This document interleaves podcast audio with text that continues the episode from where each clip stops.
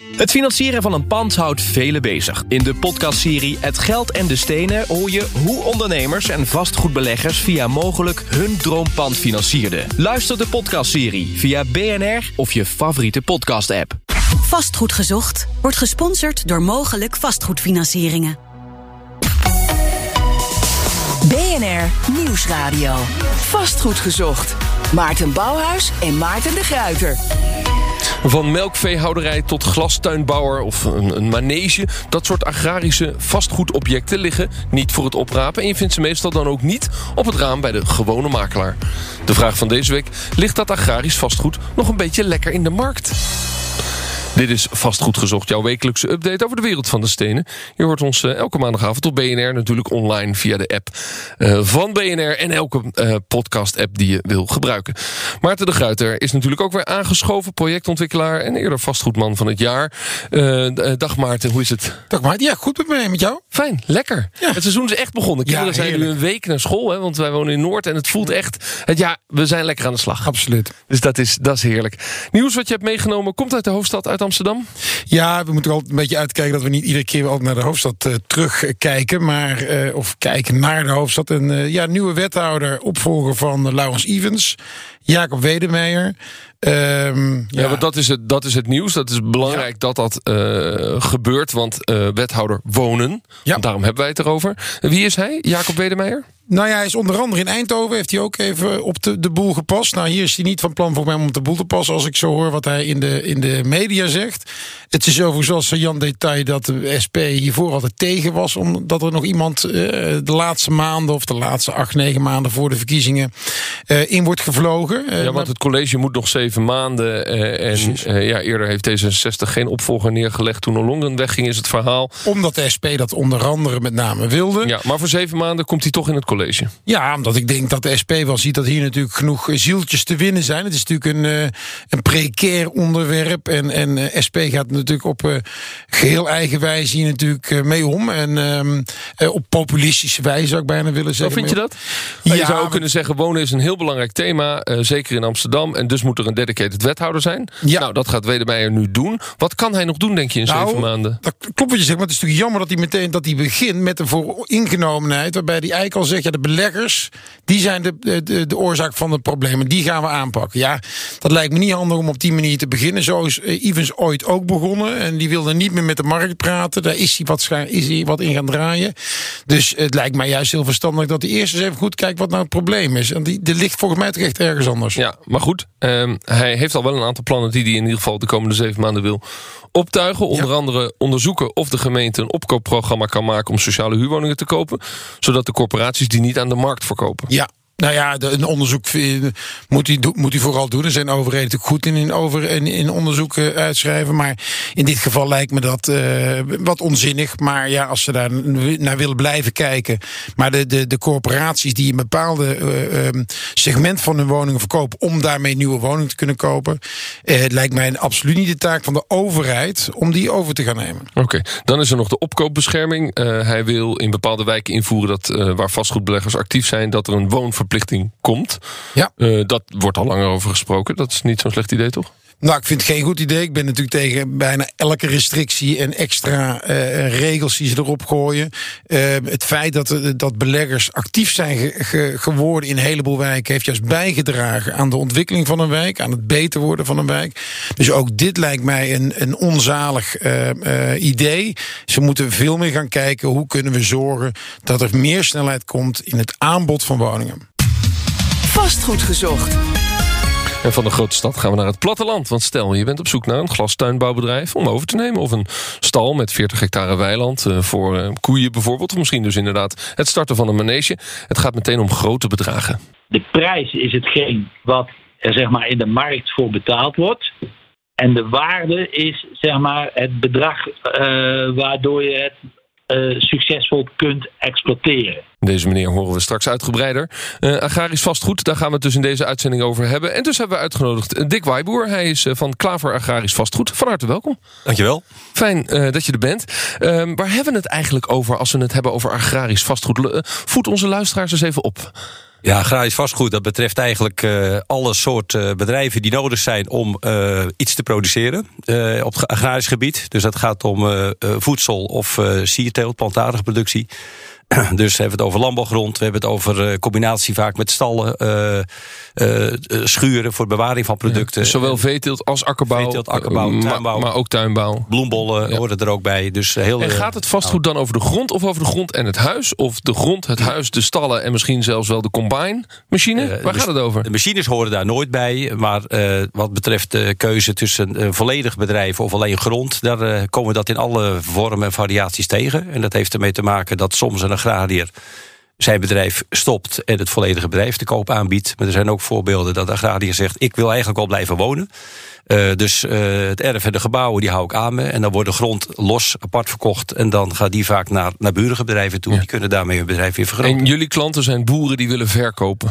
Uh, beide. Uh, in feite zeggen we van, je hebt zowel bij verkoop als bij koop is het heel nuttig om uh, ondersteuning te hebben in de vorm van een deskundige. Die rol vervullen wij dan ook. En dat zijn twee van de, de, taken die wij hebben in ons bedrijf. Spelen ja. jullie ook een rol bij als het als landbouwgrond woningbouwgrond moet worden? Ja, dat is ook een, een, issue bij ons. Omdat wij met golfbeweging afhankelijk van de economie, maar ook zien dat er regelmatig dus weer gevraagd wordt naar grond ten behoeve van ontwikkeling voor andere bestemming. Ja. Uh, woningbouw, bedrijventerrein. Jullie hebben daar zelfs een mooie term voor bedacht. Warme gronden, daar wil ik straks nog even met je over door uh, praten.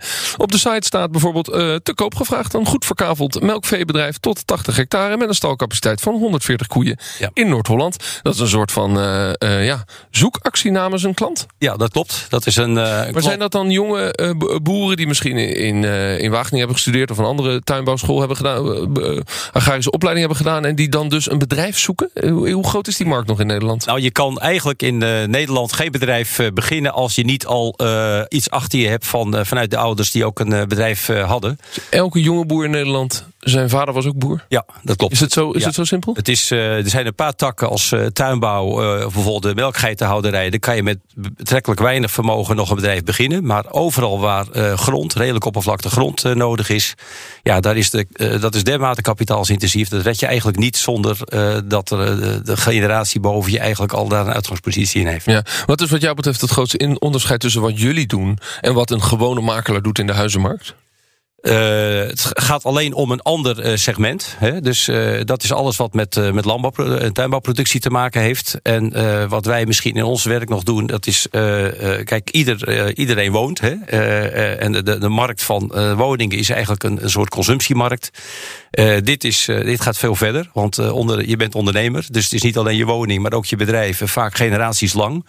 En dat maakt dat wij ook in uh, processen uh, niet alleen gaan over koop-verkoop, maar ook regelmatig over ja, het gaat niet meer, of ik twijfel, of mijn zoon die heeft aangegeven dat ik niet verder wil. Ja, dus je bent eigenlijk ook vertrouwenspersoon. En dan van, wordt er ook al gespart ver voordat uh, een verkoopsituatie aan de orde is. En ja. dat is natuurlijk wel een wezenlijk verschil ten opzichte van iemand die is het, alleen over de woning praat. Is het verdienmodel wel hetzelfde, 0,8% van de verkoopprijs? dat varieert afhankelijk van de grootte van de, van de zaak, maar 0,8% is wel de onderkant. Dus, oh, ja, ja. Terwijl het om grote bedragen gaat. Ja, en, en, en bij, bij woningen of bij bedrijfspanden heb je ook natuurlijk een beleggersmarkt. Dus dat mensen iets kopen als belegging. Heb je, bestaat dat eigenlijk hier ook? In de agrarische sector uh, is dat uh, iets, maar dan eigenlijk alleen de landbouwgrond. En uh, dat heeft te maken met het, het, mogelijke rendement op die investering. En we merken nu wel dat er bij de landbouwgrond toch wel een groep in de markt komt die zegt: ja, grond heeft in ieder geval de beleving dat het waarde vast is. Hè? Dus dat is het interessante. maar de andere kant is het rendement op een investering in landbouwgrond. Uh, op het moment dat je het verhuurt, dan uh, krijg je dus huuropbrengsten, hè, pacht. Dat, uh, dat is eigenlijk 1 tot 2 procent van de waarde. Oei. En dat, dat is een vrij grote groep die maakt dan toch andere keuzes. 1 tot 2 procent van de waarde is voor jou te weinig. Ja, niet alleen voor mij. dus de, gro de, grote groep maakt andere keuzes. Maar uh, mensen die wat affiniteit hebben, bijvoorbeeld iemand uh, met een agrarisch bedrijf die gestopt is en zegt: Ja, ik heb toch dat geld vrij. Ik heb het ooit in de landbouw ontwikkeld en, en gevormd. En uh, ja, die ja. heeft daar wat meer gevoel ja, precies. Bij. Even naar de marktomstandigheden. Is het een kopers- of een verkopersmarkt op dit moment? Het is op dit moment een verkopersmarkt. Een verkopersmarkt. Dus die zijn dominant. Die zijn dominant. En dat, Want eh, er zijn voldoende partijen die graag een boerderij willen kopen. Ja, en er is eh, weinig aanbod. En eh, dat er weinig aanbod is, wordt vooral veroorzaakt op dit moment door de slechte eh, markt voor het, eh, het kredietkapitaal. Maar dat vind ik dan toch interessant, want ik kan me voorstellen dat er steeds minder mensen willen boeren. Dat kan te maken hebben met plannen van de overheid. eh, Die zeggen van de veestapel moet worden gehalveerd. Eh, Er worden zelfs landbouwgronden onteigend ten behoeve van natuur. Je kunt nou niet Ja. zeggen dat eh, het, het boeren in de lift zit eh, eh, in, in het huidige klimaat, letterlijk en figuurlijk. In het aantal ondernemers niet, maar de ondernemers die eh, op dit moment draaien, er zijn er veel die uiteindelijk hun bedrijf nog wel willen ontwikkelen. En eh, daar waar eh, de overheid dus in gebieden grond van agrarisch wil omzetten naar natuur, daar zullen in een aantal gevallen die ondernemers die daar actief zijn, op een andere plaats weer verder willen gaan met hun bedrijf. Ja, ja. Dus dat daarom geeft- is het ook een, daarom is het ook een verkopersmarkt, omdat er dus weer nieuwe kopers op de markt komen Ja. die ergens anders onteigend worden. Dat klopt. Terwijl het, het, het beeld wat ik uit de media krijg als ik erover lees... is dat er heel veel boeren van boven de 50, Ja. misschien zelfs wel boven de 60 zijn... die gaan stoppen, hun kinderen gaan het niet meer overnemen. Dat voelt een beetje alsof, er, ja, alsof het meer een, een, een kopersmarkt zou zijn. Het- op, het, op het moment dat dat loskomt, eh, gaat dat, eh, verwacht ik dat wel. Maar Ja. op dit moment eh, gaan veel van die potentiële verkopers... die houden hun eigendom eigenlijk nog in bezit. Omwille van die slechte creditmarkt. En ja, de redenatie, kan het nog beter verhuren... en een, eh, en een, eh, een beetje huurvergoeding hebben... in plaats van dat ik eh, zeg maar het bij de bank breng... en eigenlijk nog een penalty toekrijg. Ja. Ja. En wie zijn dan doorgaans de kopers? Ehm, dus boeren die, die moeten verplaatsen, bijvoorbeeld omdat er natuurgebied eh, komt. Maar wat zijn dan andere type kopers? Hoe, wat voor, hoe zien die transacties er nou meestal uit? Dat zijn eh, twee groepen. Dat zijn eh, de mensen die moeten verplaatsen, maar dat is eigenlijk maar een, wat een beperkte groep. Maar daarnaast ook veel bedrijven, veel ondernemers die hun bedrijf willen vergroten. En die dan zeg maar de vrijkomende grond aan hun eigen bedrijf toevoegen. Om op die manier ja, meer perspectief te hebben naar de toekomst. Ja, ja, en dat sluit aan op dat je zegt... er zijn eigenlijk steeds minder boeren, dat klopt wel. Maar de bedrijven worden steeds groter. Dat klopt. Dat lost overigens eh, het politieke probleem eh, in het kader van de klimaatverandering niet op. Hè? Want, want dan moeten we ook gewoon minder vierkante meters, minder hectare krijgen. Eh, het, de discussie zit vooral in het vee. Hè? Dus eh, de landbouwgrond is eigenlijk een eh, productiemiddel. En uiteindelijk ook een, eh, een eh, situatie waarin je dus eh, die grond kunt gebruiken om ook eh, je, je meststoffen kwijt eh, te kunnen plaatsen. Maar de, de, discussie zit vooral natuurlijk in de stikstof Ja. de emissie van Nee, vee. de stikstof en de vee, dat is waar. Maar landbouwgrond, eh, wat bijvoorbeeld in de veenweidegebieden ligt... eh, dat moet voor de koeien droog worden gehouden. Daar zit ook een grote discussie, want Ja. stoot CO2 uit... en is eigenlijk onhaalbaar om dat waterpeil zo te houden. Ja, nou, daar ligt een enorm dilemma. Want eh, uiteindelijk wil de overheid natuurlijk daar die gronden wel omvormen naar natuur. Maar er zijn ook, eh, je hebt ook uiteindelijk in dat gebied wel weer beheerders nodig. En we merken dus vanuit onze provincie dat provinciaal bestuur toch ook zich wel realiseert dat op het moment dat je alle boeren daar wegjaagt. En je, zult, eh, je kan die grond niet meer beheren, dan komen er daarna ook geen weidevogels Ja. meer eh, voor. Je, je zegt onze provincie, dat is Noord-Holland. Is jullie zijn vooral actief in Noord-Holland. Is, is het, eh, hoe moeilijk is het te financieren als ik dat zou willen kopen? Als ik een boeren, boerenbedrijf, of eigenlijk, koop je ook het bedrijf, of in ieder geval de, de locatie. Hoe goed is het te financieren? Als je praat over eh, een melkveebedrijf bijvoorbeeld van 50 hectare, eh, dan is eh, nou in de ge- gebieden waar de grond eigenlijk van goede kwaliteit is, dan praat je over een investering eh, van 7 tot 8 miljoen. En eh, als je eh, heel goede technische resultaten hebt, dan eh, kan je waarschijnlijk anderhalf tot 2 miljoen financieren. En de, rest, de rest is dus die veel. overwaarde Ja. die je mee moet krijgen van. eh, En hoe je dat dan financiert, Maarten, daar moeten we zeker over door eh, praten. Want de bedragen zijn hoog die agrariërs moeten investeren. Je hoort eh, Peter Pals van Farmers Funding. Hij staat de boeren bij in die financiering. Een bijdrage van collega John van Schagen. Eh, landbouwgrond heeft een prijs en een waarde. De prijs is hetgeen wat er zeg maar, in de markt voor betaald wordt. En de waarde is zeg maar, het bedrag eh, waardoor je het eh, succesvol kunt exploiteren. Daar zit een enorm gat in. Dit is dus Peter Pals, die agrariërs bijstaat met financieel advies. En hij stipt een van de belangrijkste issues aan waar deze ondernemers bij een bedrijfsovername mee te maken hebben. De prijs versus de daadwerkelijke waarde. Ner- Nergens is landbouwgrond zo duur als in eh, Nederland, nergens in de wereld. En met name de zeg maar, vraag van buiten de landbouw om, hè, voor woningbouw, industrie, recreatie, wegen, zonnepanelen, windparken, eh, eh, natuur, recreatie. Met z'n allen zitten we zeg maar, in Nederland een beetje te, te trekken en te plukken aan die landbouwgrond waardoor de prijs behoorlijk hoog is. En dat kan een, een, een, overnemend kind nooit betalen. Dus dan moet er, wij noemen dat Arabisch worden gerekend. Dus van achteren naar voren. Eh, net zolang totdat er een, een bedrag komt waarmee eh, er toch in de toekomst weer geboekt kan worden. Het is voor zo'n opvolger dus verrekte lastig om zijn business case rond te krijgen. Partijen van buiten de sector drijven de prijs van het vastgoed en de grond alsmaar verder op. En dan is het een kwestie van de calculator erbij en rekenen. Net zolang tot je eruit bent. Dan gaat de grond voor eh, meestal ongeveer 40 tot 50 procent van de werkelijke marktwaarde naar het kind toe. Met, met allerlei clausules, waardoor hij natuurlijk niet de andere dag, zeg maar, die, die meerwaarde die erop zit, contant kan maken. Ja, dankjewel. Peter Pals eh, van Farmers Funding. Ik praat verder met Dick Wijboer. Hij is van Klaver Agrarisch Vastgoed. Ze zijn vooral actief uh, in de provincie Noord-Holland. Um, eerst even daarop inzoomend en dan wil ik heel graag doorpraten over die financiering waar Peter Pals ook al over sprak. Zie je nog veel verschillen in de regio's eigenlijk? Dus misschien gebieden van Noord-Holland, de kop van Noord-Holland of uh, ja, ik kan me voorstellen dat de Bollestreek bij Lisse en Hillegom weer een heel andere nou ja, type markt is. Is dat zo verschillend? Ja, dat, dat scheelt enorm. Dat heeft te maken met de kwaliteit van de grond en uiteindelijk het soort eh, bedrijfsactiviteiten die er plaatsvinden. Uh, dus het, het, zandgebied is eigenlijk van oudsher een gebied waar veel bloembollen werden geteeld. Uh, en nog steeds. En uh, daar geeft, geldt gewoon een betere rentabiliteit. en daarmee ook gewoon een hogere grondwaarde. Maar hoe zit dat dan? Omdat een bloembol meer oplevert op de ja. markt? Ja. Dus je, je kunt beter bloembollenkweker zijn? Dan Uh, akkerbouwer. Dat geeft in ieder geval uh, een hoger rendement uh, per hectare teelt. Ja, dat zegt niks over het geluk van de ondernemer. Nee, maar je, je, hoort als veehouder geen bollenteler of andersom. Hè? Nee, is, nee, is, dat, is dat ook cultureel? Zijn dat cultureel totaal verschillende bloedgroepen? Ja, ja dat, is, dat, is, een heel ander type ondernemerschap. Ja. Maar jullie moeten het allebei... Die, ja, dat klopt. Ja, ja. Heb, heb, je zelf eigenlijk een agrarische achtergrond? Ik heb een agrarische achtergrond. wat betekent dat, dat je boerenzoon was? Boerenzoon. heb zelf nog een, een oppervlakte grond ook op dit moment in bezit. en en wat, wat, wat, wat, wat staat daar? Uh, gras en uh, tulpenbollen als uh, verhuur aan een naburige bollenkweker. Juist, ja. ja. Dus, je, je, dus die wereld ken je best wel goed vanuit je persoonlijke ja, ja. omstandigheid. En die, en die boer in de kop van Noord-Holland, is dat dus daar nog ander slag type mens? Ja, ik, uiteindelijk uh, Schagen ligt ook redelijk in de kop van Noord-Holland. Dus daar, daar associëren we ons wel mee. Maar, ja. maar ik denk dat de kern van onze uh, uh, zeg maar, functioneren is... je kunnen verplaatsen in het spanningsveld waar een ondernemer eigenlijk in opereert. Ja. En dat heeft te maken met een enorm kapitaalsintensief bedrijf. soms onzekerheden in de markt. onzekerheden in de politiek, planologie. En uh, daar moet je partner in zijn om te kunnen ja. begrijpen en te kunnen sparren in de keuzes. Die, nou, die onzekerheden zijn niet kleiner op geworden. Laten we even naar de financiering kijken, die, wat dat dan voor consequenties met zich meebrengt. We hadden het al even over. Uh, je gaf aan van, van, een 7 miljoen investering uh, kun je maar 2 miljoen lenen op de kapitaalmarkt. Ja.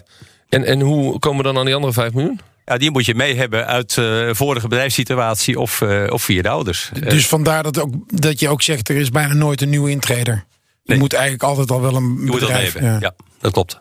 Dus je, je, moet een bedrijf hebben gehad... of je moet het bedrijf van je ouders overnemen. Ja, dat klopt. En dat heeft dan een waarde... en dan kun je die waarde gebruiken om het, om het te financieren. Ja, om het bedrijf verder te ontwikkelen. Maar dan uh, kun je ook begrijpen dat als er uh, de, de voortzettende boer of boerin...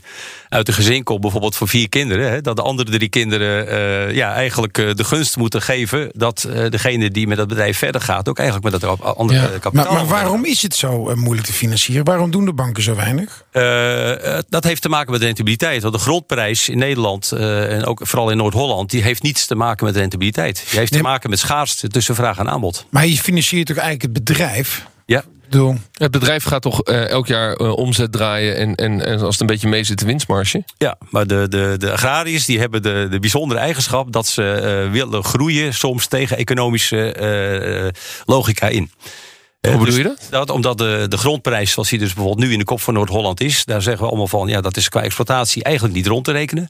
Maar er zit nog een stukje uh, buffer, uh, financierscapaciteit in, de, in het bestaande bedrijf. En dat wordt dan benut om zo'n uitbreidingsinvestering te financieren. Maar wacht even, zeg je nou eigenlijk dat de grondprijs dusdanig hoog is? Ja. Als je dat vergelijkt met de melk, melkprijs die je krijgt van de koeien die erop lopen, ja. dan is dat niet rond te rekenen. Dat, dus eigenlijk is de, het financieren van die grond, om daar gewoon dat klinkt heel, heel lullig, maar gewoon koeien op te laten lopen, dat is niet te exploiteren. Dat is, uh, maar omdat we, nee. dat, omdat we dat vanuit het verleden doen, ja.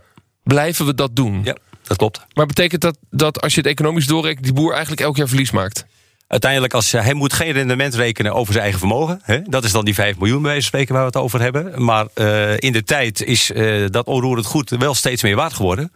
En dat is eigenlijk natuurlijk een stilzwijgende uh, vermogensgroei. Maar zolang je doorgaat en je volgende generatie gaat ook weer door, ziet hij natuurlijk nooit Het voelt niet als een structureel gezonde situatie, Maart. Nee, dan begrijp je ook meer dat, dat dus mensen die onteigend worden, dat dat een uh, emotioneel proces is ja. natuurlijk. Ja. Ja, ja, we zullen in de show notes bij de podcast het artikel van NRC even plaatsen. Een long read over een onteigening. Ja. En dat, dat, dan gaat discussie over met de gemeente. En de gemeente probeert het maximaal eruit te halen. Dat is althans de perceptie van de boer.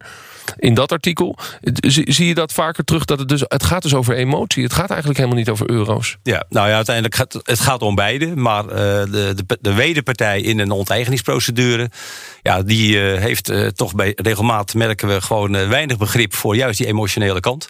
En uiteindelijk gaat het wettelijk gezien natuurlijk om rationele dingen en niet om emotionele zaken. Nee, maar voor de boer is het een heel emotioneel proces. En, en, als er dan procedures ja. zijn die een jaar, anderhalf jaar lopen, en dat is geen uitzondering, ja, dan, dan ja. ontstaat er gewoon. En, en iets anders, ik wil blijven bouwen aan mijn bedrijf. Dat is gezond voor elke onderneming. Dus een nieuwe stal, een extra schuur. Is dat makkelijk te financieren bij de bank? Uh, als het gaat om uh, gebouwen ligt dat uh, iets makkelijker, omdat daar vaak wat directer ook een exploitatie aan gekoppeld is. Maar ja, landbouwgrond is natuurlijk een enorme een lange termijnzaak. En je merkt dus ook soms bij groei van bedrijven in oppervlakte grond dat er bijvoorbeeld ook partners gezocht worden, omdat er wisselteelt met andere agrariërs plaatsvindt. En dat zo'n partij dan ook participeert, bijvoorbeeld door een deel van de grond van de groeiende boer oh ja. gaan financieren. Dat is, dat is wel grappig, want dat is eigenlijk een, een werkwijze. Boeren werken altijd samen. Ja. Dat, is, dat is diep in de geschiedenis. Ze begonnen op een gegeven moment grote machines samen te kopen. Het corpor de corporatiegedachte ja, komt daar natuurlijk vandaan. En dat blijven ze dus doen.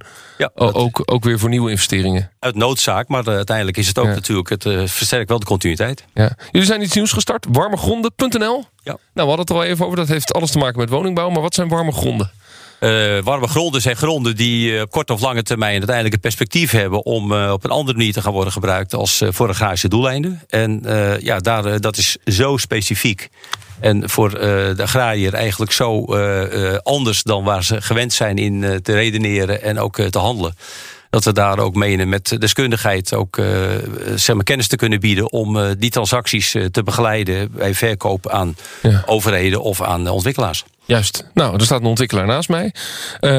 en dan zoek je dus een stukje grond, Maarten. Z ja. Zonder dat daar misschien al de bestemming woning op staat. Want dat is nog niet het geval, denk ik. Hè, Dick? Dat is, nee, dat is vrijwel nooit. Nee. Dus je, je, je mikt erop dat uiteindelijk er een woonbestemming op ja. komt. Ja. Is dat ook hoe jij naar de markt kijkt? Of wacht jij tot het nou, een woonbestemming ja, heeft? Ja, nou wij persoonlijk doen het niet. Niet zozeer omdat we niet willen wachten tot die bestemming. Maar omdat het, het, het, zeg maar het rendement of de exploitatie eigenlijk erop tot die tijd eigenlijk nihil is. Hè. Dat, daar hadden we het straks al even over. 1 tot 2 procent. Dus wij doen dat niet. Maar er zijn natuurlijk, we hebben genoeg concurrenten of partners waar we mee werken die het uiteraard wel doen. Ja. En hoe lucratief is het dan voor de boer? Die kan dan bijvoorbeeld 10 hectare aan de rand van zijn, van zijn perceel verkopen via warme gronden. En dan heeft hij direct een mooie opbrengst. Ja, dan kan hij, heeft hij dus een veelvoud van de waarde die agrarisch geldt. Hebben we altijd ook alweer te maken met een heel fiscaal regime wat er omheen zit. Hè. Want uiteindelijk, als je boven agrarisch verkoopt, dan moet je oppassen dat niet de, de Belastingdienst alweer met de helft van die winst uh, ervan doorgaat. Maar uh, ja, dan kan, kun, hebben ze wel kans om soms het hele bedrijf te verplaatsen. Hè. Dat is bijvoorbeeld het voorbeeld wat je noemde van uh, gezocht een, uh, bedrijf voor 140 koeien, 80 ja. hectare. Dat is zo'n voorbeeld. Iemand die dus elders uh, weggaat en met een financiële uh, sterke positie een vervangend bedrijf zoekt. Ja, ja. Maar goed, er is woningnood. We willen bouwen. Ja. Gaan we het volgende week ook over hebben. Bouwen in de polder in, in dit programma vastgoed gezocht. Uh, ja, dan kun je toch zeggen, dit is, dit is, dit is een goudmijn. Al die boeren met, met, met grond waarvan ze weten... er moeten honderdduizenden woningen worden gebouwd. Maar dan zijn we er nog niet dat er ook gebouwd mag worden, hè? Maarten, dat weet jij ook. Nee, dat, dat nee, doet, uh, nee, nee, dus het is geen goudmijn, het is heel onzeker. Nou, je hebt natuurlijk te maken met de spanningsveld dat er vanuit de markt enorm veel vraag is. Maar dat uh, de overheden uh, daar toch heel terughoudend in zijn. Omdat die toch heel sterk de voorkeur hebben om binnen stedelijk gebied, op bestaand bebouwd gebied, eerst de, de gaatjes op te vullen. Ja, goed, maar jullie zeggen van oké, okay, maar let goed op, bij bepaalde gemeenten die moeten gaan groeien. Aan de rand van die gemeente waar nog een, een akker ligt, dat kun je kopen. Hè, mooi getypeerd als ja. warme grond. Ja. Hoe zeker ben ik dan van mijn investering als ik daarvoor ga? Nou, uiteindelijk, uh, op het moment dat een ontwikkelaar daar uh, zaken doet, is er vaak ook al overleg gaande met een gemeente of met de provincie, omdat ze dat toch ook wel doen met een, een verwachting die op redelijke informatie is gebaseerd. Dus ja. dat het niet echt een blanco risico wordt. Nee. Het is geen blanco risico. Dick Wijboer, dankjewel voor je uitleg in deze uitzending. Maarten de Gruiter, volgende week zijn we er natuurlijk weer. Dan gaan we het hebben over bouwen in de polder. Maar jij zei voor de uitzending tegen mij, ik weet hier echt weinig van. Agrarisch vastgoed. Ja. Het belangrijkste wat je geleerd hebt? Nou, de, eigenlijk toch wel de emotie van de boer. Hè? Dus die boer die toch die nieuwe, nieuw bedrijf zoekt, die heeft dus blijkbaar geld verdiend met de verkoop van warme grond. Dan zou je denken, nou, schaapjes op het droge, maar gaat dan toch weer in een, in een bedrijf stappen wat blijkbaar geen geld eigenlijk oplevert. En wat heel ingewikkeld is, zeker met de klimaatverandering en alle maatregelen die er waarschijnlijk toch wel gaan komen om de veestapel bijvoorbeeld in te krimpen of meer natuurgebieden te maken, het waterpeil te verhogen. Dat, dat komt allemaal op die boer af. Dat komt op die boer af, dat klopt. Ja, dankjewel Dick Wijboer van eh, Klaver Agrarisch Vastgoed. Volgende week zijn we er natuurlijk weer. Dan gaan we het hebben over bouwen in de polder. Te gast hoogleraar Peter Boelhouwer. Luisteren dus. Volgende week, maandagavond, 7 uur, een nieuwe Vastgoed Gezocht. Bedankt voor het luisteren. Dag. Vastgoed Gezocht wordt gesponsord door Mogelijk Vastgoedfinancieringen.